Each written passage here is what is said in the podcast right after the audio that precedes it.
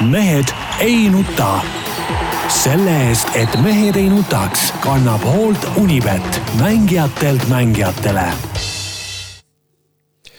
tere kõigile, kes meid vaatavad ja kuulavad, ükstapuha mis ajal ja ükstapuha mis vidinatest, Mehed ei nuta eetris Tarmo Paju Delfist. tervist. Peep Pahv Delfist ja Eesti Päevalehest. tervist. Jaan Martinson Delfist, Eesti Päevalehest ja igalt poolt mujalt, jõudsin ära öelda. Jah, tubli. vot nii. no väga aga, hästi ja ühtlasi. üks, üks viimase paremaid sissejuhatusi. aga, aga siinkohal, oota, ma, ma nüüd tahan kohe e, esmalt ma tahan äh, tänada äh, kõigest südamest ja täiesti siiralt kõiki neid vaktsineerijaid, kes olid Tondiraba jäähallis Neid oli seal hästi palju, nad olid väga lahked, nad proovisid, seal oli niimoodi, et, et et kõik tahtsid sind kuidagi aidata ja läksid sinna sisse, kohe kolm inimest tormasid juurde, et, et kõik abistasid, näed, mine sinna, mine sinna, kõik siis, kõik seal käis, ainukene asi, kõige suurem probleem oli see, et, et neid, kes tahtsid ennast vaktsineerida lasta, neid ei olnud. ehk siis needsamad inimesed tuleks ajada tänavatele hoopis. ehk oli ainult üks rumal jama, selle nad püüdsid siis võrgu kinni kusagil Tondiraba ümber.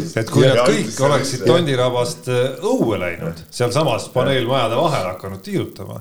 ma usun, et sealt oleks püüdnud võrku veel nii mõnegi. ei, aga tegelikult oli see piinlik ja mul oli tõesti südamest kahju nende inimeste pärast, kes tulid seal, nad tõesti tahtsid endast anda parimat. ja seal oli nagu kaheksa seda nii-öelda auku, kus siis see süst sul käsivarde löödi nendest töötas ainult äh, kaks, läksin kohale, seal idee oli selles, et võtad selle numbri, siis istud, seal olid kõik toolid olid pandud, istud toolil. kõik toolid läbi, et liikuda mööda järjekorda edasi. no oleks pidanud, aga ja. istuma, aga probleem oli selles, et ma olingi e-, esimene ainukene, kes üldse tahtis seal midagi teha, eks ju. vähemalt hommiku, hommikusel ajal kell üheksa kakskümmend neli. nii, ja siis äh, sain numbri, kohe juhatati sinna, suts käsivarde, nüüd istu oma viisteist minutit ära ja, ja seal olid ka hästi lahked kõik, käisid, pakkusid, äkki te tahate juua vett siin, kõik rääkisid, küsisid inimesed. vot õlut ei pakutud kahjuks jah. hommikul üheksa. kusjuures selle, selle peale kindlasti tuleks ilma võrgutagi kohale minna. just, et mäletad kunagi nõukogudeaegsetel valimistel oli viinerit sai seal ja, osta, mandariine ja, ja, ja õlut. mängis akordoni muusika ja, ja inimesed ikka esimest korda, kes läks valima, sai neligi. Jah, ja, ja, ja kusjuures eriti tähtis oli see, et, et alkoholi hakati müüma, müüma kella üheteistkümnest nõukaajal. Aga äh, valimispunktides oli õlu juba saadaval. Ja sellepärast kõik, kõik läksid hommikul ilusasti vara, noh, viskasid selle oma paberikasti ja ja, ja siis alu, asusid nagu põhitegevuse kallale. kusjuures, äh, kui valimistest rääkida, kõige absurdsem oli ju seal Nõukogude sõjaväes, meil oli siis põhimõtteliselt kuus kuus jagu oli seal, noh, pataljonid. ja siis oli niimoodi, et, et eelmine õhtu anti käsk, et meie pataljon peab olema kõige parem, et meie peame kõige esimesena kõik vali, noh, ära valima.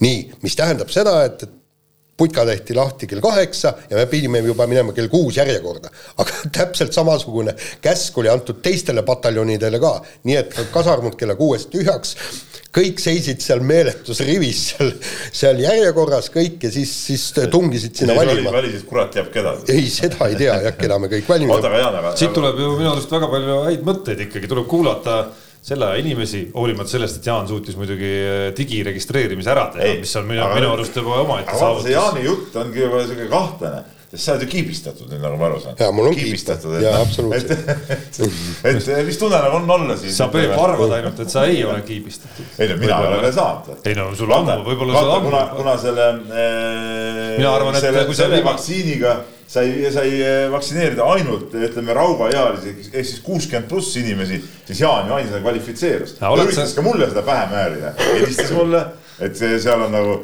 et on, on saadaval need kohad, aga Eh, mina loomulikult nagu ütleme, teadliku elemendina ei tormanud kohe saba selgas eh, kuhugi tegutsema, kuna olen veel noor mees.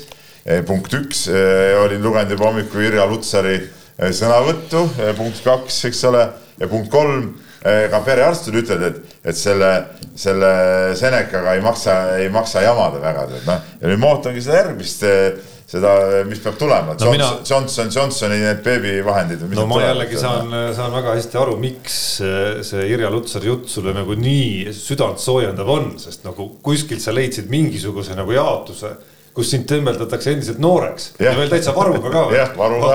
alla kuuekümne ja sul on mitu aastat varu no kõvasti. no see tõstab kõrvust ikka. no see, ütleme, ma tunnen ennast praegu nagu, nagu kaheksateist oleks. ei no, no aga minagi olen veel praegu on noorem keskiga, eks, et, et siis järgib vanem keskiga ja siis no aga sulle vähemalt sai kiip juba panna vähemalt. saa, kuuskümmend pluss inimestele piiks, piiks, kiip, kiip, kiibi panemine. oled sa kindel, et juba esimest korda, kui sa koroonaproovi an- andsid, sul ei pandud seda kuskile? ma ei tea, ma olen seda proovi nii palju andnud, et mul kahjuks ma pean ka täna minema seda proovi andma, sest et on vaja nädala lõpuks minna või õigemini nädala lõpuks juba neljapäeval eh, siseneda siis Läti eh, korvpallimulli eh, Eesti-Läti liiga Final Six turniirile ja, ja selleks tuleb, tuleb lasta ennast järjekordselt äh, torkida, eks ole, et üldse Läti piiri saada. et äh, jah, või võib-olla tõesti, aga siin mul neid kiipe päris palju, sest ma olen päris palju käinud seal. no mul oli üks teema veel, see ei puuduta üldse koroonat, vaid noh, nagu eh, noh, Peep, Peebuga eesotsas olen siin saate ajaloos ikkagi eh, legendaarne just nagu euronoor, eks ole. aga Peep juba aimab, kuhu see jutt nüüd tüürib. mida ma näen nädalavahetusel, ärkan hommikul üles, ma ei mäleta, oli see laupäev või pühapäev ja mingil hetkel avan telefonist Facebooki ja esimene postitus vaatan otsa, Peep suure näoga vaatab mulle Facebookist vastu, rattakiiver peas.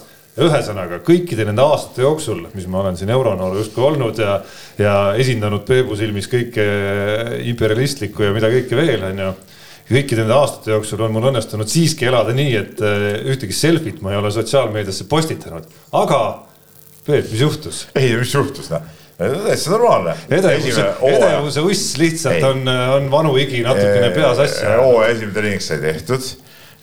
Tuli sellest nagu teavitada. tuli tunne, et tahaks laike lihtsalt saada. tuli teavitada seltsimehi. tegelikult see nii, et meil on oma see matka, see grupp, eks ole, kes me käime rattamatkal. tead, ma alguses mõtlesin nagu, et ma panen sinna, sinna ma iga aasta pannud, et, et nüüd esimene asi on tehtud või hooaeg on avatud. aga siis naine nägi, kui ma seda tegin, pildistasin ennast, naine ütles, oo mis ödevus, siis ma mõtlesin, ma kiusu pärast panen, siis ma panen seda nii, et kõik näevad, tead. ja nii ongi oh jah, peame vist ja ümber ma ümber kvalifitseerima. ja peale seda mõtlesin, et eh, noh, et Tarmo ei ole mind ka paar päeva, nagu sa ütlesid, hommikul kohe esimese asjana nägid, noh, ta ei ole mind mitu päeva näinud. siin olid pikad pühad ka, No eks ole, reedel tabas. me ka tööle käinud ja, ja, ja mõtlesin, et näitan siis ennast, et no mind tabas, ma pean ütlema, hea, et ma südameinfarkti ei saanud, mind tabas ikkagi väga suur mure sinu pärast. aga noh, tegelikult ütleme see, ma olen ise ka mures enne pärast, sest et eh, see sõit oli muidugi väga mõnus kõik. Aga ma alguses sõitsin mööda eh, kõva kattega teid nii-öelda. aga siis eh, ilm oli ilus, ma käisin laupäeva hommikupoole käisin sõitmas ja, ja, ja seal ühel äh, olin juba tagasiteel Vasalemma poole ja seal Kaseperes on üks söögikoht ja sealt pöörab üks tuhatee sinna vangilaagri, vana vangilaagri taha ja mõtlesin, vaatasin, oi põldude vahel, et täitsa kuiv juba, pöörasin sinna peale. mõnus sai lasta, sihuke kõva tuhatee, linnud laulsid ja kõik. nii kui jõudsin mingisuguse metsa vahele, sa mõtled isegi lumi polnud ära sulanud veel tee pealt ja ma olin mingi, mingi kolme-neljasaja meetri lõike, ma olin üle pea kaela mingi täieliku plägaga koos ja, ja see ratast andis pärast nagu kitkuda sellest sitast puhtaks no mina, Peep, ei olnud sellepärast sinu pärast mures ja endiselt ja. ei ole sellepärast, ma usun, et sa vanakooli mehena saad ükskõik mis oludes ratta seljas ikkagi hakkama. Küll aga olen ma mures, et kuhu see selfie seal, seal paar korda, paar korda külge niimoodi kiskus ette. See- see- see- see ei ole nagu üldse- vana Speedway mees. just, just sellepärast ma ei muretse, küll ma muretsen sellepärast, et kuhu see selfie tamine ükskord nagu välja viib, et eh, täna Facebook, homme. Instagram ja TikTok, hoia alt varsti. peaks selle selfie kepi endale ostma. sul ei olegi veel või? käed jäävad natuke lühikeseks nagu tead. nii et TikTok, hoia alt Peep tuleb. nii, aga lähme, ei, ma tean, tead, Tarmos räägib kadedust, et ta, ta tegelikult talv läbi ta nagu uhkustas oma mingite suusakilomeetritega onju, nii. aga ma sellest ei ole kuulnud, et ta rattahooaja oleks avanud ja siis ta hommikul avastas. No ega ma ei avagi. et ah ei avagi jah? rattahooaega. üldse ei ava või? ei no selles mõttes mul on suvel on, mis puudutab sedasorti trenni, on kas jooksmine või rulluisud. no aga sa pole rullussu ka avanud veel. ei ole No veel jah nii., sest teed on täis seda pagana graniidiklibu. aga vaata siis, vaata mina kavatsen rullusud ka alla küll käisin jooksmas nii, eile. see jooks, jooks, see kukesupp, tead näe. nii, mina kavatsen rullused ka alla panna, aga praegu, kui on veel, ei ole tingimused vastavad, selleks on ratas nagu väga hea, tead näe, nii et, et see oli ikkagi ilmselge sihuke kadedus, sa olid kindlasti terve reede ja laupäevase päeva eh, tarbinud alkoholi, elanud ebatervislikke eluviise ja siis pühapäeva hommikul avastasid, et, et, et oi, kurjam, näe siin teised mehed hoopis siin teevad sporti ja mida, mida ma siin teinud olen. vot siin sa jällegi selles mõttes eksid, Peep, et kõikide nende aastatega üks asi on ka saanud ammu selgeks juba, et noh, et äh, ei olegi mõtet nagu ennast sinuga võrrelda, noh. et noh, ongi mingid, mingid tüübid ongi nagu hoopis teisel level, et ega ma Michael Jordaniga ka ei võrdle ennast, on ju. noh, seal isegi võiks. jah seal, seal võib-olla võiks, aga ma ei tee ka seda, et ja. rääkimata Peep Pahvist, et kui ma näen ikka teda nagu ratta seljas, noh siis ma saan aru, et ongi eri level. jah, seda küll, nii. nii, aga lähme nüüd spordi juurde, alustame äh, ralli MM-sarjast ja äh, rõõmsad uudised. Äh, kõlasid, Hyundai jätkab. Järgmised vähemalt kolm aastat hübriidautodega, kuigi noh, seda oli siiski vist seda oli ikka nagu loota või, või aimata, et see niimoodi läheb, jah. kuigi seal olid jah, tõesti juba käisid vaikselt jutud, et nad tegelikult juba projekteerivad autot ja siis ma ei mäleta, kes see, kes see seal ütles, äh, vist Thierry Neville ütles, et äh, et noh, ta väga ei muretse, et, et, et meil on ikkagi üle kahesaja inimese äh, seal tehases tööl ja need teevad kahe kuuga selle auto valmis, et see ei ole nagu mingisugune probleem ja, ja nüüd on vähemalt, vähemalt see selge, et, et kolm järgmist aastat äh, saab näha äh, mõnusat äh, võidusõitmist, aga, aga mis on nüüd huvitav, on just see, et kirjutasime väikse loo ka sellest, et kõikide sõitjate lepingud ju lõpevad selle aastaga ja, ja vot see on huvitav. vot see on, see, see Jaan oli väga huvitav lugu, ma lugesin ka suure huviga läbi, eriti kuna pealkiri oli nii intrigeeriv mm. -hmm. rääkis Ott Tänaku lõpetamisest lausa, et ma lugesin selle loo läbi, Jaan, ja ma tegelikult kihk on küsida, et kust sa võtad, et ta võib-olla lõpetab? no see on, see on, ei ma ütlen, ma ütlen ära, no see on tüüpiline Jaani sihuke mm., sihuke umbluu, et noh, ta lihtsalt nagu täna puhub tuul nii, kirjutab nii, homme puhub tuul naa, kirjutab naa. ei, aga kas on võimalus, et ta ei lõpeta see, see on täpselt, täpselt kindlasti on see väike, väike võimalus olemas aga, aga. ma tean, et selle saatelõigu saab, ma tean, et selle saatelõigu saab kunagi välja lõigata, kui tõesti juhtub nüüd niimoodi, aga argumendina siiski oli see muidugi tase. kummal on see väike võimalus siis, et ta, et ta et ta lõpetab või et ta ei lõpeta? no pigem ikkagi ei lõpeta, pigem miks, ikkagi ei ja, lõpeta. ja teine küsimus, miks sa arvad, no üks sa olid ühe argumendi toonud ka ikkagi, miks ta võiks lõpetada, kuna talle need hübriidid ei meeldi, et sellepärast. no ei meeldi eriti kellelegi jah siis kõik meeldi. lõpetavad? ei, no kõik ei lõpeta, noortel meestel on ikkagi midagi tõestada, tal on vähemalt maailmameistritiitel olemas ja kõik. eks tal ole ju ka siin oma tiim ja tal on siit kõike muud tööd ka teha, eks me mäletame nüüd, okei okay,, Marko Märtin ju lõpetas ka küllaltki vara, küllaltki ootamatult. no Marko Märtinil oli seal siiski üks teine põhjus, eks ole, et olukorras, kus Ott Tänak äh, ei näe ühtegi põhjust, miks ta järgmisel mm. nii-öelda turuaastal siis, kus leping lõpeb, ei ole no vähemalt top kaks nii-öelda nagu vend, kelle nii-öelda palgapakkumist no, no, siis, siis miks peaks? et tal on nagu päris palju nagu saada, et, et tal ei ole nagu mõtet praegu otsi kokku tõmmata, et ma olen ka selle peale mõelnud, me oleme Jaaniga seda arutanud ka tegelikult. et, et kas, kas Tänak on niisugune mees, kes suht varakult lõpetab karjääri, ma arvan, et ta lõpetabki suht varakult.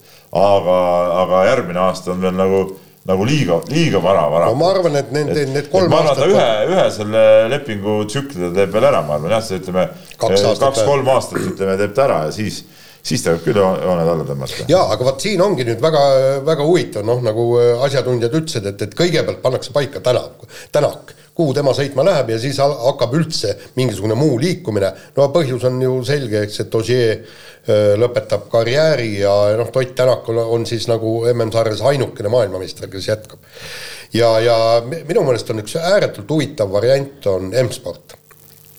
Kuhu, kuhu ta võiks äh, minna ja selle tiimi omanik Malcolm Wilson ju ütles, et nende eesmärk on punkt üks, saada kõige parem auto äh, MM-sarja, uus auto, uue põlvkonna auto ja, ja teine asi, et, et, et sinna ka kõige kiirem sõitja juurde saada, no täpselt nagu siis kaks tuhat seitseteist oli Ožee ja M-sport ja, ja tiitel tuligi no mulle tundub, kas ei ole nagu vara natukene üldse seda laegast veel avada. selles aga, mõttes just, et, et nagu kui sa mõtled kasvõi Hyundai'ga lepingu jätkamise osas, siis praegu selle aasta algul nii varajases faasis nagu nii-öelda nagu tõsiseltvõetavaid argumente üldse lauale panna, et kuidas koostöö on, okei okay,, see võib-olla on nüüd välja tulnud natukene selle aja jooksul on ju, kui kaugele nüüd praeguse autoga jõutakse, kõik need, kõik need nüansid, mis hakkavad nagu mängima selles osas, kas ma tahan jätkata Hyundai'ga, vajavadki tegelikult praktikas veel nagu selgusele jõudmist. nii, saad aru, ega Malcolm Wilson seda sõnumit ei öelnud niisama meediale välja ja, ja Dirtfishis oli see pikem intervjuu ja mida refereerisid ka kõik, eks. ta saatis sellega kindla sõnumi Tänakule, võib-olla Evansile, noh, võib-olla isegi Neuwillile, kui, kui ta Evansit, Tänakut ei saa, et äh, saatis sõnumi, et, et meil on raha teid palgata. Eks ja, ja ma arvan, et, et sealt juba esimesed telefonikõned võib-olla mitte nii otsese pakkumisega, oh noh, tere, kuidas sul läheb, et kõik näed, et meie auto näed siin vaikselt juba valmib ja me teeme, oleme juba esimesed katsesõidud teinud ja kõik nii. et, et seal on tegelikult tõsine võitlus ja, ja ma, ma ei kujuta ette, mida teeb Toyota vot see on ka nüüd järgmine, järgmine huvitav küsimus.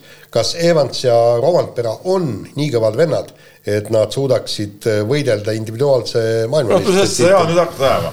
sa oled kogu aeg rääkinud, kuidas Roompere on mingi tulevane maailmameister ju. ei, ei ta ongi tulevane, aga me. oota, sa küsid, et kas nad on nii kõvad mm.. millal ta siis, millal ta saab, sest sa oled ju rääkinud juba ta pidi sinu jutu järgi eelmine aasta maailmameistriks tulema. ei, absoluutselt mitte. Läheb kaks-kolm-neli aastat, võib-olla viis aastat. neli-viis aastat. ja ei, aga nagu ma mäletan väga hästi su neid jutte, kuidas Rovampere tuleb, et kellelgi teisel mingit varianti ei, pole, kus see viis aastat. ei, absoluutselt. ei, ei, see on ju täielik. sa, sa ajad ju udujuttu, loomulikult, loomulikult on nii, et Toyotal, kui eh, nad jätkavad, ütleme Evansi ja Rovamperaga, siis neil on, on väga kõva tandem, neil on, eh, neil on eh, Rovampera näol mees, kes on sihuke noor ja, ja võib pikka aega neile tuua vägevaid tulemusi, Evansi näol. Juba mees, kes on tegelikult juba kogenud ja, ja ja, ja sihuke ka võimeline sõitma heade kohtadest. Ja kui nad võtavad sinna ühe mehe nüüd juurde, noh, olgu see kasvõi sama Oliver Solberg või, või kes iganes, eks ole, et, et siis neil on, nendel on tiimis nagu väga head, et, et ma küll ei usu, et, et Toyota hakkab mingeid suuri, suuri muudatusi eh, tegema, et jah, Osee koht vabaneb, aga, aga ütleme, teised mehed jäävad paika. no selles ma olen jumala kindel. no positiivsem osa tundub pigem olevat see, et kui neid eh, tippe on väga raske jaotada sul praegu kuskil tiimide vahel, siis, siis on lootust, et meil on nüüd nagu kolm tiimi ja kolme tiimi jagu päris sõitjaid, mitte nagu praegu no praegu ei ole päris sõitjaid kolme tiimi jagu või?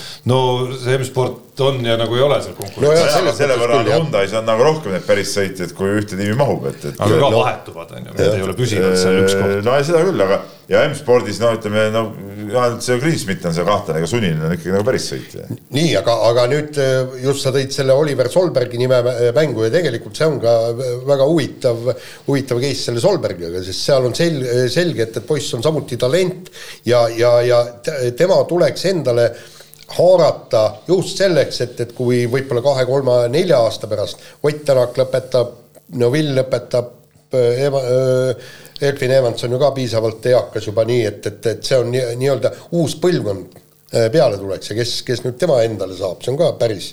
see on võtmeküsimus tegelikult jah, ütleme selle, okei okay,, võtme, üks võtmeküsimus on see, et, et kuhu läheb äh, äh, Tänak, eks ole, aga teine, ütleme, kui tuleviku perspektiivi vaadata, siis see Solbergi kuhugi minek äh, on ka üks, üks sihuke oluline küsimus jah ja,, et, et, et ta on kindlasti kindlasti suht sarnane sellega, kuidas äh, Roompere tuli, tuli sarja, kuigi võib-olla võib ta nii, võib-olla ta nii äh, särav ikkagi ei ole, aga, aga noh, eks seda no, pole raske hinnata, seda raske hinnata, jah. jah, aga, aga sealt tuleb veel üks äh, huvitav asi mängu. ütleme nüüd niimoodi, Hyundai peab, peab siis Neuvilli, noh no Will võib ju tegelikult ka lahkuda, võib-olla läheb proovib M-spordis, eks, et, et äh, äkki on auto parem, et noh, tal, tal peab olema mingi võimalus maailmameistriks tulla, tal on neid teisi kohti juba liiga palju. aga äh, see selleks äh,. Hyundai on ju kolmandasse autosse istutanud tavaliselt kaks, võib-olla ka kolm meest. ja kui nad nüüd Solbergi endale võtavad, siis peaks olema nagu Tänak, Will, Solberg ja siis noh nojah, sa mõtled, mis Sapriinid ja, ja, ja just täpselt. ja Sordad, eks ole. ja, ja, ja, ja, ja miks nad peaksid, miks peaks see, see ütlema Solberg, et okei okay,, et ma sõidan ainult pooled rallid kui, kui ei, Toyota seda, või, või siis M-sport pakub täishooaega. seda teed ei ole noorel mehel muidugi mõtet minna. et ütleme, seda poole hooaja värki võibki, ütleme, niisugune Sordasugune mees, kel nagu meeldibki niisugune niisugune rütm, nagu ma aru saanud, ta ei taha kõiki rallisid sõita, noh väga kihvt, eks ole, aga samas Priit näiteks tahaks kindlasti kõiki rallisid sõita. no et ma arvan, et M-spordil tegelikult see sõitjate valikud äh, on omajagu küsimus selles, et kuidas nad neid sinna võtta tahavad, eks ole. palju nad tahavad sinna neile palka maksta palju nad tahavad, et sõitjad ise sisse toovad raha, eks ole. noh, see no, on, see on nende puhul see põhiküsimus. no nii äh, no,, nii nagu mina aru sain, ikkagi nad vähemalt kaks sõitjat võtavad, võtavad sinna, kellele makstakse ka palka ja üks, kellele makstakse väga head palka aga nüüd vahetame teemat, läheme pallimängude juurde on selgunud Eesti võrkpallimeister, kelleks on Tartu Bigbank ja tuleb mütsid maha võtta seal nüüd terve rea meeste ees, alates siis Alar Rikbergist, kes asus peatreeneriks ja tõi tiitli ära, kuni siis Gert Toobalini välja, jälle tegi ära. ja jah, Gert Toobal juba nelikümmend üks või kaks või? Seitsekümmend üheksa minu arust sünniaastaga oli. see on väga hea aasta, kui ta on seitsekümmend üheksa. minu arust oli seitsekümmend üheksa. Äh, sa vaatad kiiresti nobedalt näppudega järgi. no absoluutselt. aga vaata, kus vanameister jälle teadis äh, täpselt. sellel on väga palju, väga palju talendikaid inimesi sündinud. no ma väga palju ei tea, jah, Tooval on jah, nende hulgas, nii, et Gerd Kanter ja ah, Kalev Kruus ja Hendrikson ja Paju ja no seda võiks jätkata.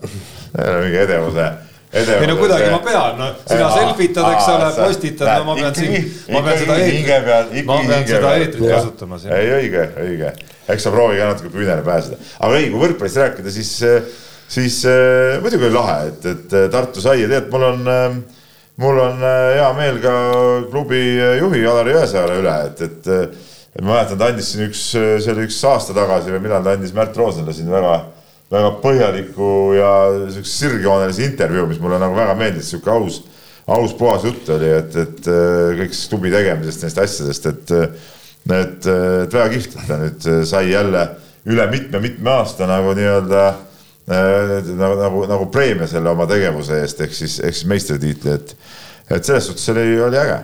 no ja muidugi äge on ka ju veel see, et, et, et võrkpallis on äh, Äh, need satsid sedavõrd ühtlased, et, äh, et, et, et keegi ei domineeri äh, aastate kaupa, siin Saaremaa ju võttis ühel aastal need kolm karikat ära, eks, aga üldiselt on ju ikkagi niimoodi, et, et jääb, jääb teistele ka mõni, mõni karikas ja just see, et, et kord võidab Pärnu, siis võidab Selver, siis on Saaremaa, nüüd on Tartu kord, kuigi, kuigi Rikbergi puhul ma ütlen ta, talle, hoiatan teda et Tartul on tavaks ju see, et, et kes, eh, kui sa viid meeskonna nagu tšempioniks, siis tavaliselt sind eh, enamasti vallandatakse.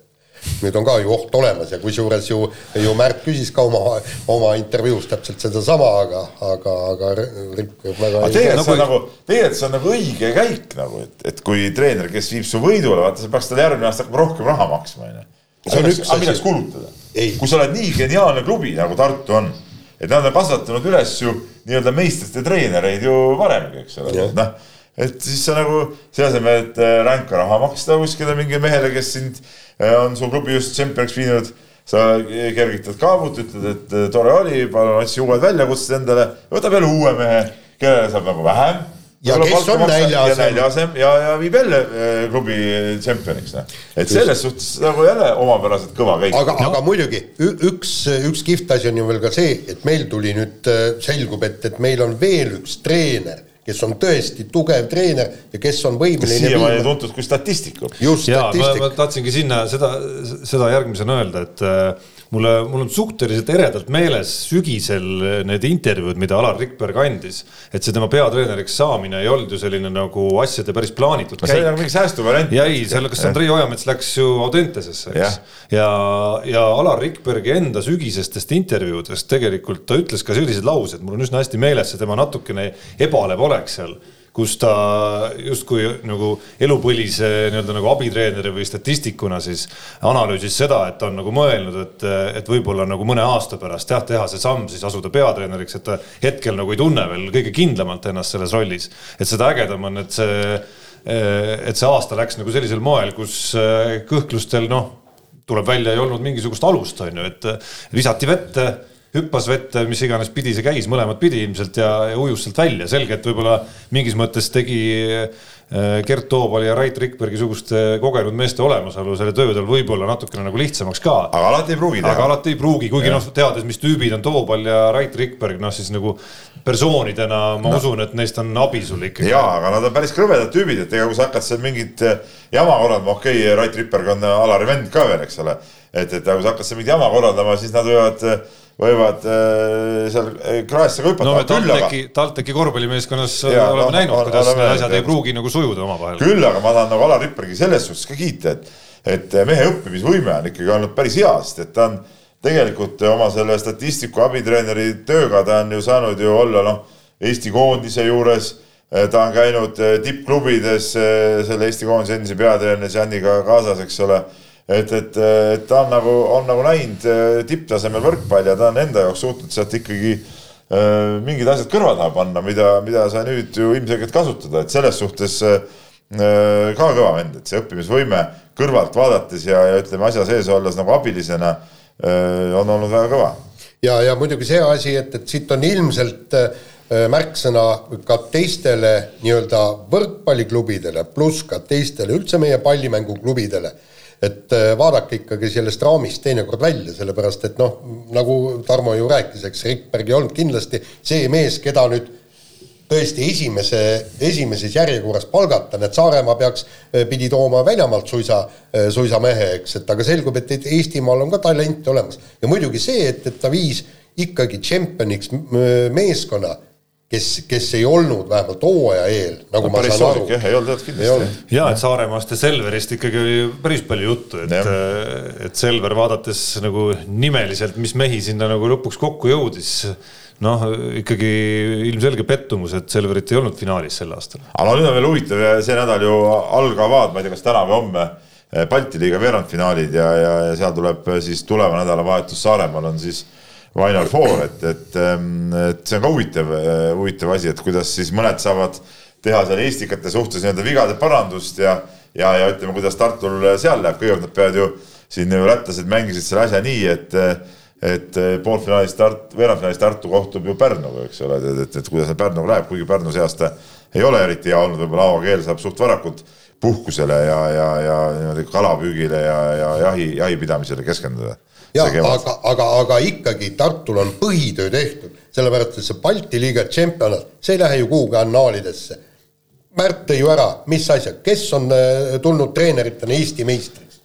eks. ja, ja, ja, ongi, Eesti meistritiitel on oluliselt tähtsam, nii nii, aga läheme edasi, murdmaasuusatamisel hooaeg on küll lõppenud, aga, aga ütleme, palju kisa-kära ala ümber on jätkuvalt ja me ei pea siin silmas eestlaste soperdamisi, vaid, vaid rahvusvahelist tasandit ja, ja ja on raskes seisus murdmaasuusatamine, et, et populaarsus on kõvasti langenud ja edasi otsitakse igasuguseid teid, kuidas ala populariseerida ja, ja ühe, ühe variandina on, ma ütleksin, et mindud tema pühaduse kallale, ehk siis käidud välja variant, et klassikatehnikast tuleks loobuda, Björn Dähli oli see mees. kusjuures Björn Dähli oli see mees, kes seda ütles.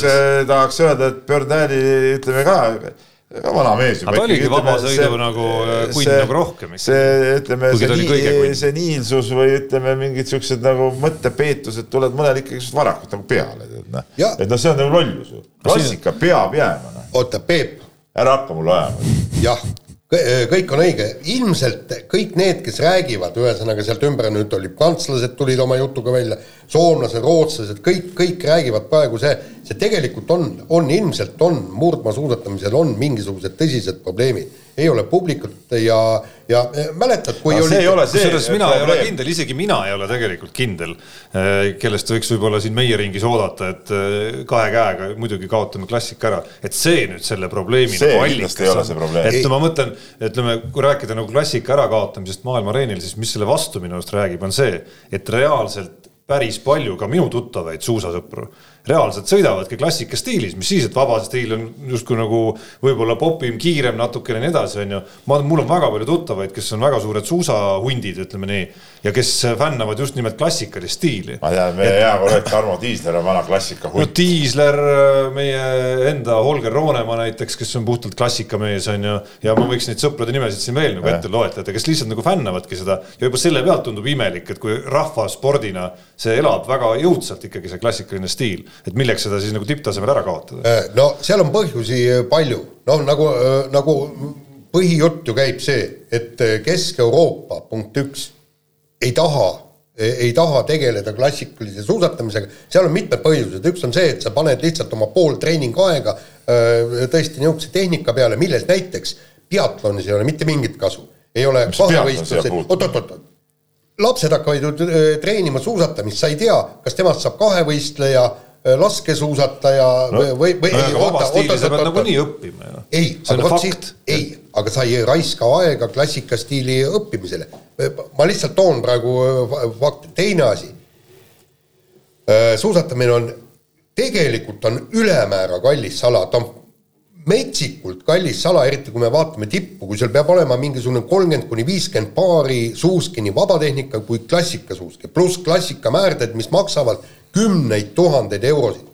sa pead võtma ju öö, terve kamba öö, määrdemehi rohkem, sellepärast et testida neid klassikasuuski. ja, ja lihtsalt ei ole raha riikidel. ja mi-, oota, ja ma, ma lõpetuseks ütlen, ei, ta võib olla jama või mitte.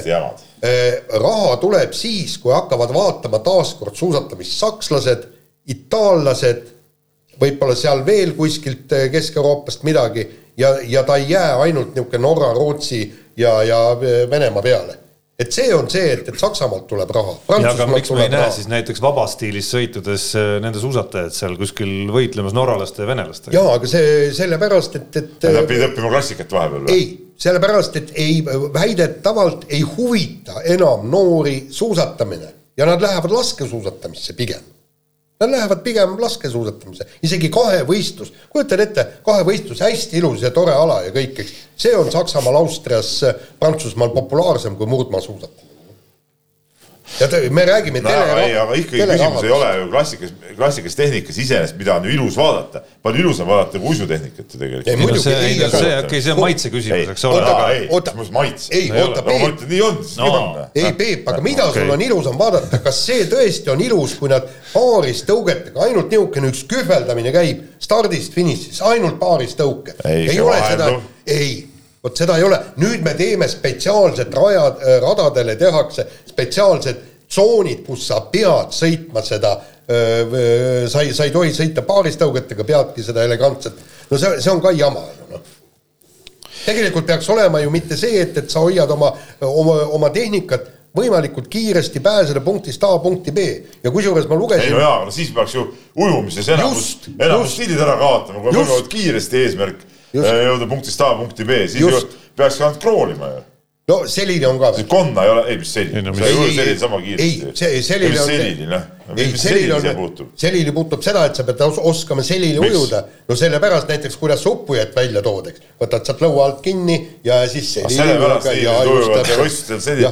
selili ujumist teha, et uppujat päästa. ei, ütleme niimoodi, et, et see selili ujumine on ka prakti-. konna tõmmata, ei, ei noh. konn on väga praktiline, kõige vähem kulutab energiat. saad rahulikult sealt niimoodi sulpida. aga võiks olla ka koer siis näiteks, koer. no see koer ei ole väga energia nagu säästlik, suht mõttetu rahmeldamine, edasi ei vii see vene kirjutus ka proovib.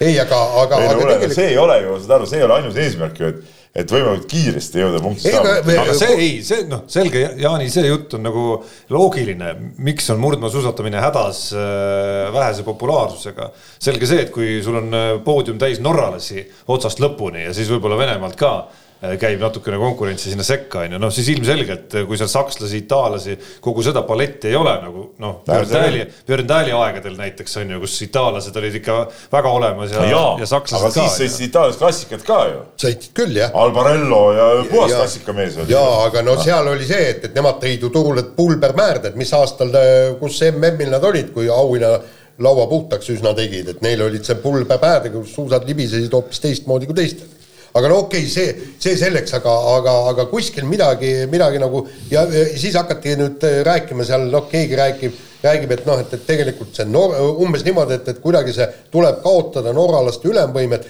las nad lasevad meid ligi, näitavad, mida nad teevad selleks, et nad on niivõrd head, noh. noh, kas see oleks siis lahendus? no see on ka muidugi jamps, miks peab keegi, kes on teinud mingi töö ära, et, et saada heaks, peab seda teistele näitama, kuidas saada heaks, mis tehku teised selle töö ära siis, noh no aga nad, nad, nad ei tea, mida teha, noh. ega meil ka vastuseid ei ole siin muidugi, isegi Peebul ei ole, ma vaatan. ei, minu vastus on see, et tehke trenni ah,. tehku, tehku Saksamaa trenni, no mis on siis, noh no jaa, aga ei viitsi teha, ei taha, ta läheb parem peatloni või kahevõistlusse, ta ei pea seda. mis see kahevõistlus on? no kahevõistlus. iga mees julges, et mäest alla tulla hüpata. ma küll ei usu, et kahevõistlus nüüd on väga suur nagu nurmaalt äh, mingisuguse nagu rahvaröövi. ei ole. ka tähelepanu mõttes ka kindlasti mitte. peatlon küll, seda küll. muide, aga, aga te mäletate. võiks püssidega põmmutanud, oleks ka seda ka vähemaks võtta natuke muide, aga mis sul selle vastu on, ise oled vana militarist. ei militarist, vastupidi. armees käinud ja käinud. seda küll, aga see, see on patsifist on ta. see on, see oli nagu, see oli nagu sundkäik, mul ei olnud varianti, aga ei, selles suhtes ei, muidugi laskesuusataja võib olla ja, ja ongi, ongi põnev vaadata ja ongi äge. aga no ütleme, siis spordisüsteem peab kuidagi jagama, et ei lasta nii palju sinna, vaid ütleme, et peab olema kvoodid et jõuga nagu äh, ütled ühele noorele sportlasele, kes tahab minna laskesuuska proovida, ei lähe. jah aga miks ka mitte? no okei okay., eks see jutt läheb nagu absurdiks. ei, aga selles suhtes okei okay., aga tegelikult olgem ausad, et nii peatam kui kahe võistlus eeldavad ikkagi mitmealaoskusi, selles suhtes murdmaasuusatamine on nagu lihtsam ju tegelikult, noh. et sa ei saa olla ju peatadisk, kui sa saad kõik märgid mööda, noh. või no., või kui sa ei julge mäest alla tulla, hüpata no kui milleski konstruktiivses me kokkuleppele jõudsime, siis ikkagi selles, et klassikastiili kaotamine nüüd küll ei ole see lahendus.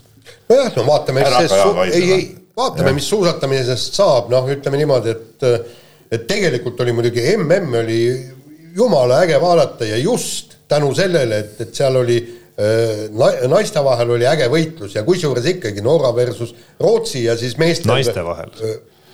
just Therese Johaug ju ees valgusaastal. ei, aga no seal rootslannad tegid midagigi, no nad tegid sprindis ja ja see ja, aga ja. meestel oli muidugi Boltšnov versus Norra, eks see ongi, Norra on igal, igal juhul ees. ja tegelikult vaata, kui tahad atraktiivsemaks, siis need, ütleme need äh, kepivõitlused finišisirgel ja need võiks olla legaalsed. no Venemaal nüüd, ma saan aru, alles meistrivõistlustel läks jälle madinaks. ei no see, nad saabki ära tead, noh, näida, see oli juba pärast finišit. aga seal võikski olla, et ikkagi ütleme, sul on luba, ütleme. finišisirgel. finišisirgel võis ütleme vastast ka takistada. jah natuke nagu need pallimängud, vaata kuskil Itaalias, kas see oli Itaalias kuskil, kus on mingite külade vahel on see legendaarne mäng, kus on siis omavahel põimitud, kas see oli rugby ja rusikavõitlus või? ma ei tea, kas te olete näinud, ma olen mingit dokfilmi sattunud vaatama. küll ma nägin hiljuti oli, levis video, kuidas maatead mängisid korvpalli, kes ütleme, see oli ka päris lahe. see oli kusjuures äge ala ma vaatasin selle video läbi. samal ajal kui mingi vend üritas viskele minna, siis kaks venda seal tegid pärast nuppuvõtet teineteisele seal kuskil keset platsi. aga muide, seal oligi idee, ega see taktika, taktika oli ju see, et näiteks ütleme niimoodi, et, et on on, on parem korvpallur ja võib-olla kehvem, üks on pikk, üks on lühike ja ülejäänud siis selle nii-öelda pika venna omad hakkavad maadlema, proovivad need vastased kõik maha panna, et elimineerida, et jääks ja, üks ja. ühe vastu ja, ja kõik, et, et see oli tegelikult kas see räpp oli sama, samalaadne siis? ei no see oli selline, kus ikkagi jah, mingid vennad omavahel päriselt kaklesid, eks ole, niikaua kuni üks mees põhimõtteliselt oli võimetu jätkama, tassiti minema ja siis samal ajal pall ka, vahepeal pall jäi üldse seisma põhimõtteliselt ja no nii see käiski jah. Ikka päris verine värk oli nii et nii. Äh, oleme lahendanud ka ikkagi lõpuks äh, murdmaasuusatamise olemuslikud probleemid. Raud Ruiz peaks kõik sõitma, et kepitorget sisse ei saaks nii, aga nüüd mehed, rääkige korvpallist. Moskva CSKA korvpalliklubi näitas äh, Mike Jamesile hooaja lõpuni just. ei, ma loodan, et nad näitasid mitte ainult hooaja lõpuni, vaid näitasid talle nagu lõplikult ust, sest et noh, ütleme Mike Jamesi sugust meest, ma ei tea, ükski täie mõistusega treener enda võistkond ei võta no me ei tea, kas nad näitasid lõpuni just, lepingud peaks tal olema veel pärast seda hooaega kaks aastat veel. ei no ma ei tea seda küll, aga. et äh, võib-olla olen suhteliselt kindel, et peatreener vahetub Moskva CSKA-s pärast seda hooaega ja võib-olla tuleb uus treener ja leiab, et tema saab Mike Jamesi sugusega hakkama, suudab äh, panna mehel silmad särama ja suudab panna ta meeskonna võidu. ma ei ole näinud veel ühtegi treenerit, kes oleks saanud Mike Jamesiga hakkama, ehk siis suutnud panna teda mängima nii, nagu on võistkonnal vaja, mitte nii, nagu tal endale pärast pähe tuleb. et no. Eh, mis põhjusel talle siis ust näidati, et vend teeb, mis tahab ja? no ta on niisugune mängija jah, ütleme, kes, kes nagu ei allu mingisuguse meeskonna joonisele ju kopika eestki tegelikult, võtab suvalisel hetkel suvalisi viskeid, võtab, võtab oma kätte palli ja teeb ja ehitab ja, ja ja nagu ei pea nagu seda võistkonda nagu sealjuures nagu mitte milleski. noh, seda vabadust iseenesest ma arvan, on talle ju ka antud päris palju, noh seda, et ta võibki võtta, ega ma arvan, et need konfliktid ei Tuudisega ei ole, ma arvan, tekkinud selle pinnalt, et ta kuskil võtab mingeid nagu viskeid liiga palju näiteks, et äh, küsimus on võib-olla mingites muudes põhimõtetes, et kuskil on treener öelnud, et mängime seda rünnakut niimoodi ja siis see mees, see mees teeb teist asja, aga mingitel hetkedel talle ongi tegelikult lubatud, see ongi nagu tema roll meeskonnas, võttagi teinekord ka mingeid hulle asju nagu ette, aga kui sa nagu ühel hetkel äh, nagu eirad põhimõtteliselt juba nagu liiga palju asju, mida treener ütleb, no siis ei ole võimalik seda koostööd nagu jätkata, et huvitav ongi see, et pärast seda viimast catch'i, mis tal, catch'i ütleme siis, kus ta siis nagu, kus, kus ta justkui nagu vahepeal jälle meeskonnast äh, läks eemale ja siis võeti tagasi. no siis oli juba kehakeelest näha, et sealt enam nagu ei tule mitte midagi, et see Mike Jamesi olek seal väljakul ja kogu see kehakeel nii suhtluses meeskonnakaaslastega kui ka treeneriga oli kogu aeg minu arust selline, et ta nagu vastu tahtmist tegelikult kuidagi kannatab seal eh, kogu seda väljakul ja meeskonnas olemist, et oli aja küsimus, millal siis ühel hetkel see asi nagu lõplikult plahvatab. jaa, aga põhimõte on ka selles, et see oli esimene võistkond, kus suusad niimoodi risti lähevad et.... no seda üllatavam, et talle nagu pärast esimest hooaega see pikk leping nagu ette anti. jah, jah, see oli minu jaoks ka üllatus ja, ja ma ei saa nagu aru sellest, eh, mida nagu mõeldakse, et okei okay,, jah, ta toob need punktid ära ja ja, ja, ja, ja võib sulle viia mingi mängu nagu võidule, võidu ära tuua, aga tervikuna ta ikkagi lõhub ju, ta lihtsalt lõhub seda võistkonda, noh, igatepidi, et noh, see ei ole nagu reaalne niimoodi mängida. Nii, aga nüüd laseme kõlli. nii, kiire vahemäng ja Eesti võrkpallur Sten Kruda, Barri Kruda poeg, nagu ma olen, jah, teenis, jah, teenis Soome võrkpalliliigas punase kaardi, sellepärast et matkis pärast võimsat plokki kukke. ja sellest on meil äh, täna noor reporter Märt Roosna väga äh, huvitava intervjuu või tähendab loo kirjutas ja, ja tõesti, no jumal, noh, teed käega nagu kukeharja ja siis äh, kukesaba ja, ja punane. mina ütlen, et, et pallimängudes on mindud lolliks ja see kohtunike poolne terror, ütleme emotsioonide väljanäitamise suhtes on ületanud igasuguse terve mõistuse piiri. noh, pallimäng ongi emotsioon, sa teedki ja kui ma löön sulle punkti maha, siis ma panengi sulle niimoodi näkku, eks ole, vot niimoodi käib asi. karjun sulle midagi, said nüüd raibedad või midagi. kusjuures see ei ole nii väga kohtunike terror, ei, selles mõttes. Nad karistavad seda vahel. ei, ma saan aru, et kohtunikud ei ole ise seda välja mõelnud. No, no, et hakkame nüüd karistama, et see on kuskilt nagu no, jaa, ülevalt poolt. täielik loll. ka muudel aladel on see ju nagu suunaks no. võetud, et me ikkagi viime miinimumini, ma ei tea, mis iganes, noh, silmavaatamist kasvõi vastasele pärast mingisugust olukorda jama ju noh, see, see ongi ju puhas emotsioon ja, ja, ja möll ja noh, nagu ma isegi sain viimati, äh, kui veel äh, esiliiga käis, äh, sain ju selle tehnilise vea selle eest, et et pingi peal istusin vett, panin selle korgi peale, seal veastasin olukorra peale, viskasin pudeli istudes siia jalge vahele pingi alla ja siis see oli nüüd nagu emotsiooni näitamine, tead, noh, mis asja, no tulge mõistusele, tead, noh. et, et, et kohtunik, kes selliseid asju vilistab ära või isegi kui on niisugune reegel ja ikka ja näitab seda punast kaarti või vilistab niisugust tehnilist, see on ise loll, ma ütlen niimoodi. aga mis reegli järgi sa selle tehnilise said veel? mul noh, selles mõttes see ei olnud isegi vastasele suunatud, see oli sinu enda ei no see, et võib-olla oli frustratsiooni emotsiooni, ei, sellist asju ei tohi teha, emotsiooni näitamine on keelatud, tead. isegi nagu viha enda vastu. ja viha enda vastu ka ja kui sa enda peale vihastud ja ütled midagi, eh, siis ka saad ju tehnilise. siis võiks ju Jassikevitšusele ütleme iga mäng ühel time-out'il vähemalt selle tehnilise ära anda selle eest, kuidas ta oma hoolealustega räägib. no teoreetiliselt eh, mingis jah, ütleme, kui päris peeneks asja ajada, siis see on võimalik jah, kui ta liiga palju karjub seal nende peale, et no, ütleb pahaseid sõnu seal ütleme niimoodi, et ta seda tõstnud rahvusvaheliselt tuleb tal. Spitsi seal inglise keeles ja vene keeles pilet käib sinna lõppu, eks ole. muide, aga Ameerika jalgpallis on see asi ju ka ääretult totraks läinud, see oli mingi paar-kolm aastat tagasi, kui hakkas, hakkas pihta see, et, et nii-öelda Äh, rõõmustamine värava puhul, et seal ja, ja seal on kõik täpselt, et sa ei tohi see äh, vastase poole mitte midagi teha, ei tohi seda, seal on kõik nii ja, ja siis ongi ja, aga noh, ometi mängijad seal noh, teine, teinekord, teinekord lähevad jälle üle piiri ja teevad noh, vaatad pea, peale jumalast kõik, aga virutavad palli täie jõuga maha, aga selgus, et, et vastane oli seal, sealpool, oleks ta öö, mingi kakskümmend neli kraadi vasakule selle palli visanud, oleks kõik okei okay olnud. ei no seesama võrkpalli näide on ju hea, et, et kuketants nüüd antud juhul loeti kuidagi väga solvavaks vastase suhtes, aga see, kui sama Kruda kasvõi ükskõik milline võrkpallur ja seda tehaksegi kogu aeg nüüd ju pärast punkti, eks ole, no esiteks lööd punkti ära näiteks või paned ploki, teed siis omaette seda enam-vähem, mida sa minu suunas tegid siin on ju, lihtsalt nagu käed rusikasse karjatad lihtsalt ilma, et. karjuda ka ei hakka. nii, ja siis lähed ja karjud seal kuidagi võistkonnaga koos ka veel, eks ole, nagu minnakse pärast punkte seal. et noh, kus see piir siis nüüd jookseb, et see on ju. see ongi mõnes mõttes sama nagu..., sama, läheb samasse lahtrisse, mis on juba, oleks veel absurdi. eriti, eriti Nõmme oleks vaja siukest nõukogude aegset sporti, kus need pallimängud seal, ma ei tea lõi ära, siis jalutas rahulikult tagasi, null rõõmustamist, tead. ei, muide, ma, ma just tahtsingi siia tuua, et, et see oli kõige absurdsem oli see, et, et võib-olla keegi kuulajatest mäletab, mis aastatel see oli, see oli kuskil seitsmekümnendate algus, ma pakun välja.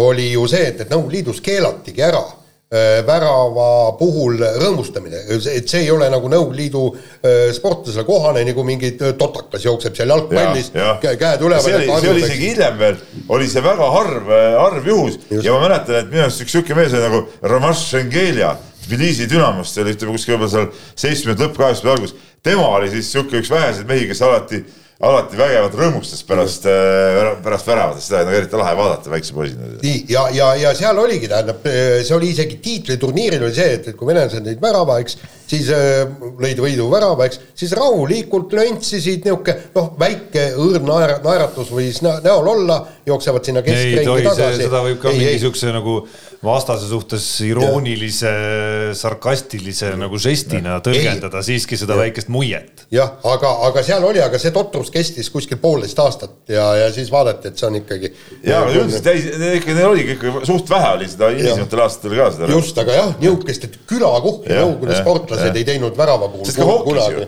ega hokis ju viskasid värava ära, noh, võib-olla sõbralikult suhti kätte. jah, seltsimees, palju õnne teile värava löömise puhul. oli meisterlik sooritus, korrake seda jälle. aga siirdume rubriigi juurde ainult Eesti jalgpallis. Nõmme Kalju on juba kolmandat liigamängu järjest teinud siis seda trikki, et kohe mängu esimesel minutil vahetanud välja oma klubi kasvandiku. Jutt käib siis sellest, kuidas reeglite järgi peab see üks nii-öelda ise kasvatatud mängija olema algkoosseisus olemas, aga kuna Nõmme Kaljul ei ole sellist mängijat, kes justkui tasemelt siis ka oleks kõlbulik seal noh, vähemalt poole ära mängima, siis, siis selleks, et reeglite järgi kõik oleks õige, siis pannakse ta sinna algkoosseisu, aga siis vahetatakse kohe välja, mis, mis näeb no, muidugi päris totter ei välja. no totter või mitte, aga ma ütlen niimoodi, jah, see näeb, näebki totter välja iseenesest oma olemuselt, aga mis ei ole keelatud, see on lubatud ja palun väga kui ma tahan, siis ma vahetan selle neljakümnendal sekundil välja ja mitte kellelgi ei ole mokakobinat. kui te ei taha, siuksed asjad juhtuvad, tehke vastav reegel, et ei tohi seda meest välja vahetada. jah, see, see ja see ja, ja midagi ei ole ja kuni see on lubatud, mis ma peaksin mängima nõrgema võistkonnaga, kui mul on võimalik mängida tugevama võistkonnaga no.. no teistpidi. ma ei näe siin nagu, ma ei näe siin nagu küll nagu mingit, mingit. teistpidi näitab see minu arust kõikide nende kunstlike reeglite nagu miinust, et, et ega need nagu ma ei tea neid väga palju, mis oleks nagu väga edukad olnud lõppkokkuvõttes, kõik need, kus no kasvõi korvpallis eri riikides on ju küll tehtud reegleid, mitu oma meest sul peab olema väljakul korraga. mina isiklikult ei ole. mitu koosseisus ja nii edasi ja nii edasi, et, et kõik need kunstlikud upitamised koosseisu mitte, mitte sellest, et sul on olemas piisavalt mängijaid, kes on sellel piisaval tasemel. kõik need kunstlikud upitamised ikkagi lõppkokkuvõttes ei ole kedagi nagu ei, mängumeheks teinud versus see, et sa mängumehena ise võitled endale selle aja välja. ja ei, loomulikult parem on see, ma olen nõus, parem on see, kui võitled, aga ütleme mingitel hetkedel on tarvis nagu ütleme, võib-olla seda oma mingi mängijate massi kasvatada ja ja tekitada neid paremaid võimalusi, siis võivad need reeglid olla, mul ei ole üldse midagi nende vastu. aga see reegel peaks olema ka selline, et see, äh, sul peab näiteks olema, ma ei tea, mis see reegel praegu on, sul peab kaks või kolm seda äh, jalkas seda oma klubi kasvandikku alustama, alustama., aga, aga peab võiks... olema kogu aeg platsil. just täpselt, just täpselt. paneme nii las nad siis vahetavad. ei no siis. siis too sul peab veel pingil olema neid mehi. muidugi. aga vahetused tehtud on? no ei no, no, ei, no seda on nagu absurd okay, ajada. ja, ja siis mängiti miinus üks mees. miinus üks mees, jah aga, aga, aga teine asi on, ma ütlen, et, et mind kohutavalt ikkagi häirib see no,. punase kaardisättis ongi miinus üks mees, ma tuletan meelde. nii, et mind tõesti häirib, häirib kohutavalt kõik, kõik see nii-öelda tänapäevane korvpall, kus on tõesti neid võõrlegionäre on, on, on liiga palju. igal juhul peaks olema legionäride piirang absoluutselt peaks olema igal pool. Ja normaalses liigades ongi see ja, ja Eestis ka kolm peaks olla absoluutne maksimum, absoluutne maksimum, kolm. Ja udujutt see, siis ei ole taset ja pole midagi vaadata, ärge ajage kui segast juttu. kuule see asemel, et, et viis või kuus mingit tuhande eurost karvajalga võtta võta, võta kaks äh, viie tuhande eurost, eks ole, ja, ja ongi sul äh, normaalne mäng ja siis saavad need, need äh, kehvemad mehed näevad ka seal kõrval paremad välja. nii ongi ja igal juhul need piirangud igal juhul peaks olema. Ja kui Kalev Cramo näiteks ütleme, ta neile see ei sobi selles suhtes, et neil on tarvis, ütleme, rahvusvahelises sarjas rohkem aga siis võtadki rahvusvahelise sarja jaoks ongi need mehed, aga sa ei pea neid kõiki siin Eesti liigas kasutama, väga lihtne variant no,. millest siin nagu arutada? sa läksid sujuvalt jalgpalli juurest korvpalli peale nagu lõplikult üle, onju, et noh, teisest küljest, teisest küljest äh, me räägime ka olukorrast, kus need klubid ütlevad, et noh, et sellel tasemel treeninguid kannatavaid äh, neid noori lihtsalt ei ole piisavalt. no aga kasvatage siis, no kasvatage. aga kui neid hetkel ei ole, noh no siis ei tule ja kunagi. ja siis sa paned selle piirangu peale, et kes need siis mängima hakkavad kokkuvõttes selles äh, küll, meeskonnas. küll saavad hakkama, sul kõrval on need paar head legionäri, midagi ei juhtu. just, too, too välja pealt mingist äh, naljaliigadest. ei ole mõtet tuua mehi, kes ütleme, ei ole viis aastat mänginud ja siis saad nad kuskilt odavat kätte või, või üldse mingeid viiesaja euroseid mehi tead vaguniga tood siia kohale. sellel ei ole nagu mõtet, et, et tuua mõtet ikkagi häid mehi ja nende jaoks siis saadki rohkem seda raha äh, jätta siis, noh. Et kui sul on, see on väga lihtne aritmeetika, eks ole, kui sa oled kolm tuhande eurost meest, kelle nagu, nagu tase on nagu on, või tood ühe kolme tuhande euro mehe, kelle tase on ilmselgelt juba palju parem, eks ole, noh, siis, siis see ongi see kvaliteet, selle kolme tuhande eurose mehe kõrvalt. Ka need kohalikud mängijad õpivad ja arenevad äh, palju rohkem kui kui nende suvaliste tuhande euro. aga selle, selle eeldusega, et tal peab olema üldse eeldus selle mingi maani nagu areneda, et tal, et teda on mõtet panna selle kolme tuhandese mehega koos mängima üldse. ja et ta on valmis ära kannatama need treeningud, mida sa pead tegema nii selle kolme tuhandese jaoks kui ka siis selle noore no, jaoks. selliseid, et mehi meil, kes treeninguid ära kannatavad, nende puudust ei ole. no ma olen kuulnud jalgpallirindelt küll midagi muud. noh, mina rääkisin nüüd korvpallist juba muidugi. nii, aga rubriik ainult Eesti jalgpallis, ma ei tea, kes selle siukse nimetuse välja mõelnud jätkub ja, ja jätkub sellega, et Eesti jalgpallikoondis justkui võitis, kui kaotas Rootsile vaid null-üks, ma ei tea, kes siukse, see on mingi Jaani, Jaani käekiri, mingi täielik soperdis. mis mõttes, mis mõttes justkui võitis, kuidas võitis, kui kaotas null-üks? ei no jaa, aga vaata, kui hea mäng oli. mina küll ei tundnud sealt mitte mingisugust võitu. ei no jaa, aga ikkagi. No... Teed kohe taha ja kaotasid matši. no jaa, aga sa, sa, eelmised said ikka niisugused kohutavad ketukad, aga nüüd on ikkagi kas, kuus ja. kas on mingisugune vahe, kas sa kaotad null-üks või null üheksa, kas, kas äh, okei okay,, see oli sõprusmäng, see tabelisse läinud, aga kui see oleks olnud äh, valikmäng, kas tabelis kuidagi see null äh, saab mingisuguse no, oma koha juurde, kui sa kaotad vähem või? sa võtad vist, Peep, seda nagu valest otsast, ma tõlgin Jaani sulle, Jaani ja. mõte on see, et meie jalgpalliavalikkus justkui nagu rõõmustas väga selle mängu üle ja selle ah, üle, kuidas selle, kuidas see asi nagu käis. no jaa, aga no, no tegelikult. muidugi alati võib võib rõõmustada mingite nüansside, detailide juures ka kaotatud mängus, ega see, selle vastu ma üldse ei vaidle. aga kaotus jääb ikkagi kaotuseks. ja, ja te, teiseks, ega no sealt, sealt oligi enamat äh, vähe loota, tegelikult isegi hästi läks. kuule, aga rootsid ei pannud ju ka mingit põhi Zlatani tulnudki no,. absoluutselt, vot see oli kahju. sellest oli kahju nii, aga võtame kiirelt järgmise teema ja nüüd mehed, rääkige, kes on Karol Jürgens. Carlos. Carlos, Carlos äh, Jürgens, kes March Madnessil äh, kõva, kõva töö tegi ja. mina võin rääkida ja räägi. Aivo Erkmaa õpilane endine, kes siis äh, Aivo Erkmaa juurest üles kasvas ja, ja ta käis Audentes, ma ei mäleta, kas ta käis kuskil välismaal mingi tiiruga ära, seda, seda ma isegi praegu ei mäleta. ei, ta vist ikka läks äh, USA-sse, lihtsalt ja, nagu ei läinud otse ülikooli, vaid peale, ta valmistus seal ka ette, vist äh, võin nüüd eksida. tal oli, igatahes ta oli Audenteses ka mingi hetk ja, ja siis ja, läks. aga võitles seal vigastustega. Läks äh, ja, ja ta jättis ju eelmise hooaja jättis vahele vist üldse ülikoolis, eks ole, et, et ja, ja nüüd tegi tööd ja tegi trenni ja, ja on pildil, et noh, selles suhtes ega, ega midagi muud polegi tast rääkida veel. nii, aga, aga. ta on väga spetsiifiline mängija selles suhtes, et ta tundub olevat ikkagi sihuke kõva kaitsemees, et ega ta mingeid skoorinumbreid ju seal väga no täitsa okeid numbrid no., ütleme siin hooaja teises pooles vähemalt olid no, nad sellised ikkagi nagu enamik, enamik mänge sihuke kümmekond punkti ikkagi sinna juurde. sellised, aga ütleme näiteks ka nendes äh, play-off mängudes, kõvad mängud olid, et tal olid väga suured minutid, mis näitab, et ta oli väga vajalik mees võistkonnale, aga ilmselt ka suures osas ikka sihuke musta töö tegija. ja, aga noh, selliseid mehi on ju vaja, ükskõik kas me räägime Eesti koondisest või tippklubidest. ükskõik mis tasemel on ju. loomulikult on vaja. aga et erinevalt paljudest eh, korvpallifännidest eh, meenutan ma tänaseni väga hea sõnaga näiteks Indrek Rumma rolli Eesti koondises sel ajal, kui Indrek Rumma seal mängis, üheksakümmend üheksa mängu kusjuures. rääkige nüüd see, Jürgens, kuidas ta sobitub, kas ta on Eesti koondise kandidaadiks, võib saada või, või ma arvan, et ta on juba Eesti koondise kandidaat, olemata näinud seal mingit võib-olla neid värskemaid liste lihtsalt edasi vaadates no, ei ole. seda polnud ka mõtet vahepeal siia panna, sest sa teadnud, et ülikoolist nagunii ei tule, et, et mm -hmm. aga kui ta suvel näiteks peaks tulema siia Eestisse, siis ma arvan, et kindlasti ta on seal nii-öelda korvpallikodus äh, treenimas ja, ja, ja selles ringis, et siin ei ole mingit põhjust teda mitte sinna panna, et seal on nagu märgatavalt äh, kesisemaid vendi on seal listis absoluutselt, no jälle, jälle üks nii-öelda nagu potentsiaalikas nimi juures, keda nagu jälgida ja, ja, ja keda mainida selles kogu selles vestluses. aga kiire vahemängu lõpetuseks äh, suuname pilgud ka ütleme siis armumaailma võib-olla.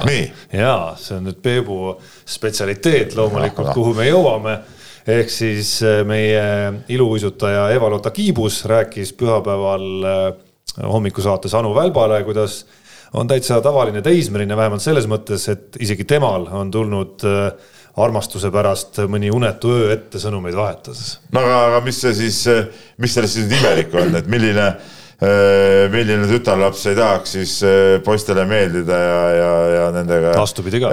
vastupidi ka ja siis nendega loomulikult selle juurde käib ka, käib ka nii-öelda ütleme nagu armumine ja, ja sisse võetud olek ja, ja, ja, ja ka suhtlus nagu, ja ka ka unetud öödega, siis mis see on ju normaalne, mis, ma ei näe siin mingit küsimust. Nagu. ja vaata, tead. see ongi nagu elu edasi, see ongi nagu elu edasi. ma ikka lootsin, Peep, et sa ei. ikkagi mingi hea nõuande annad siin Eevale. vastupidi, vastupidi, vastupidi, minu nõue ongi see, et, et äh, takt ja žatt, noh, et, et, et see ongi elu edasi viiv äh, moment, eks ole, et, et kui, kui inimesed nagu nagu leiavad teineteist, see ongi nagu elu mõte ju tegelikult, noh, ei ole me, me ju keegi, elu mõte ei ole ju, ju elada, elada üksinda kuskil mingisuguses urkas, käia tööl ja minna koju tagasi ja, ja, ja kopita seal üksi, vaid elu mõte on ju ikkagi, ikkagi elada kellegagi koos nagu vaata, ma ütlengi, et, et tegelikult need naisterahvad on äh,. paninad kõva teooria. väga hästi, ikka noh, ikka nagu kõrgpilot. vaata sellepärast, sellepärast mu arvamust hinnataksegi selles, sellel temaatikal. nii äh,, ma tahan jälle siin omalt poolt öelda, et, et äh, mul on küll kuus kümnendit selja taga, aga ega naistest ma aru, aru tõesti ei saa, et, et mida nad sämelevad. mis seal aru saada, seal ei, on kõige targem ei, ja kogu lugu no.. ei no sa kujutad ette, eks noh, öeldi ka, et, et kuule, et sa ei ole juba ammu öelnud, et, et, et sa armastad mind. no mis, ma kolmkümmend kolm aastat tagasi ütlesin ja vahepeal ei ole mitte midagi muutunud. eks ma peaksin. mis siin korrutada, eks ole. jah, mis siin korrutada nii palju. ja sellepärast ongi, mis on, ükskord ütled, kõik on korras, maga rahulikult, mis sa sõnumeid saadad kui mees ütleb, et ma armastan sind, kõik, asja rahulik ei no selles suhtes jah, muidugi õigus jah, et, et, et ega naistest ongi raske tihtipeale aru saada, onju. aga, aga noh, nii on. aga see võib-olla ongi nagu põnev no, ka natuke. Eva Lotta siit nüüd äh, väga häid nõuandeid ma ei, ei tunne, et oleks nõuanne Eva Lotale on selge. vaata poisse, kui on poiste vaatamise aeg, tee trenni, kui on trenni tegemise aeg. ja nii ongi. ja, ja kui ja kui ütleme, ütleme, kui see luules, kui hing hõiskab, siis on ka jääl kindlasti kergem sõita. vot nii. aitäh, Peep. täielik Juhan Liiv, nii, laseme kõlli. Unibetis saab tasuta vaadata aastas enam kui viiekümne tuhande mängu otseülekannet. seda isegi mobiilis ja tahvelarvutis. Unibet, mängijatelt mängijatele nii, Unibet. no nii, Unibet, nüüd ütlen mina, et ma üle, üle vist esimest korda sel aastal isegi nagu jäin passima korraks. Ja, ja olen oma selle kolmesaja viiekümne euro peal oma Unibeti kontol endiselt. Eh, mina nüüd pean nagu tunnistama pattu, ma tegelikult tahtsin tõesti, tahtsin panustada, mul oli selge plaan panustamiseks, aga ma lihtsalt unustasin ära selle siis, kui oli õige aeg panna ole seal KHL-is oli, oli oma kombinatsioon. et see on siis vastukaaluks sellest saate alguse jutule nooruslikkusest ja kõigest. ikkagi lööb sisse nagu. nojah, pea aeti sassi, ütleme siis niimoodi. kevad ikkagi. ta paša püha ja siin munad ja kõik värgid ja tuli koksida ja. oota, kas te, ma küsin siia vahele, et kas te ikka kodus munakoksimis kõik duellid võitsite või? ai, sa nüüd muidugi läksid, vajutasid vale, vale koha peale, ei koksinud ühtegi muna oi jumal, mehed, mehed, mehed. kuidas niimoodi saab? ei no ei. kuidas niimoodi saab? ei mitte. aa, no siis on vähemalt. ei, aga. ei no, ei no. üksinda siin lähme edasi. ma isegi ei taha siukeste meestega ühe laua taga istuda. kuidas niimoodi saab, et ei koksinud ühtegi muna. muna koksimine, see kõige tähtsam asi ju. see on, see on, ütleme lihavõtte pühade, see on nagu omaette sport, sa täpselt pead teadma, kuidas muna hoida et, et, et ei läheks katki, võtad ta võimalikult peo sisse, et eks ole. ja, ja, ja kõik tuleb alati võita, kõik oksimised, sa saad ju teise munad endale, ma nii palju muna söönud siin selle nädalavahetusega. et, et igal juhul kunagi mõtlesin, et peaks salaja treima puidust endale muna ära värvima, et siis ütleme sellega saaks, saaks kõik, kõik munad endale võita. ma, ma, ma arvan, ma olen Eestis nagu top nüüd julgeks arvata, no top viis munasööja hulgas kindlasti, aga keedetud munad sinna repertuaari nagu kohe ei mahu üldse sisse. praetud munad, omletid, kõik siuksed asjad. kergelt pehme keedumuna, ülimõnus võileva peal kolm pool, neli minutit. omletti saab ka jätta kergelt pehmeks. asi ei ole praegu, asi ei ole praegu muna söömises, vaid asi on põhimõttes munade koksimine, väga huvitav tegevus, väga huvitav tegevus. ja, ja siis eh, loomulikult tuli ka pašat süüa, pašat ikka sõite või? ei, ei ah jumal.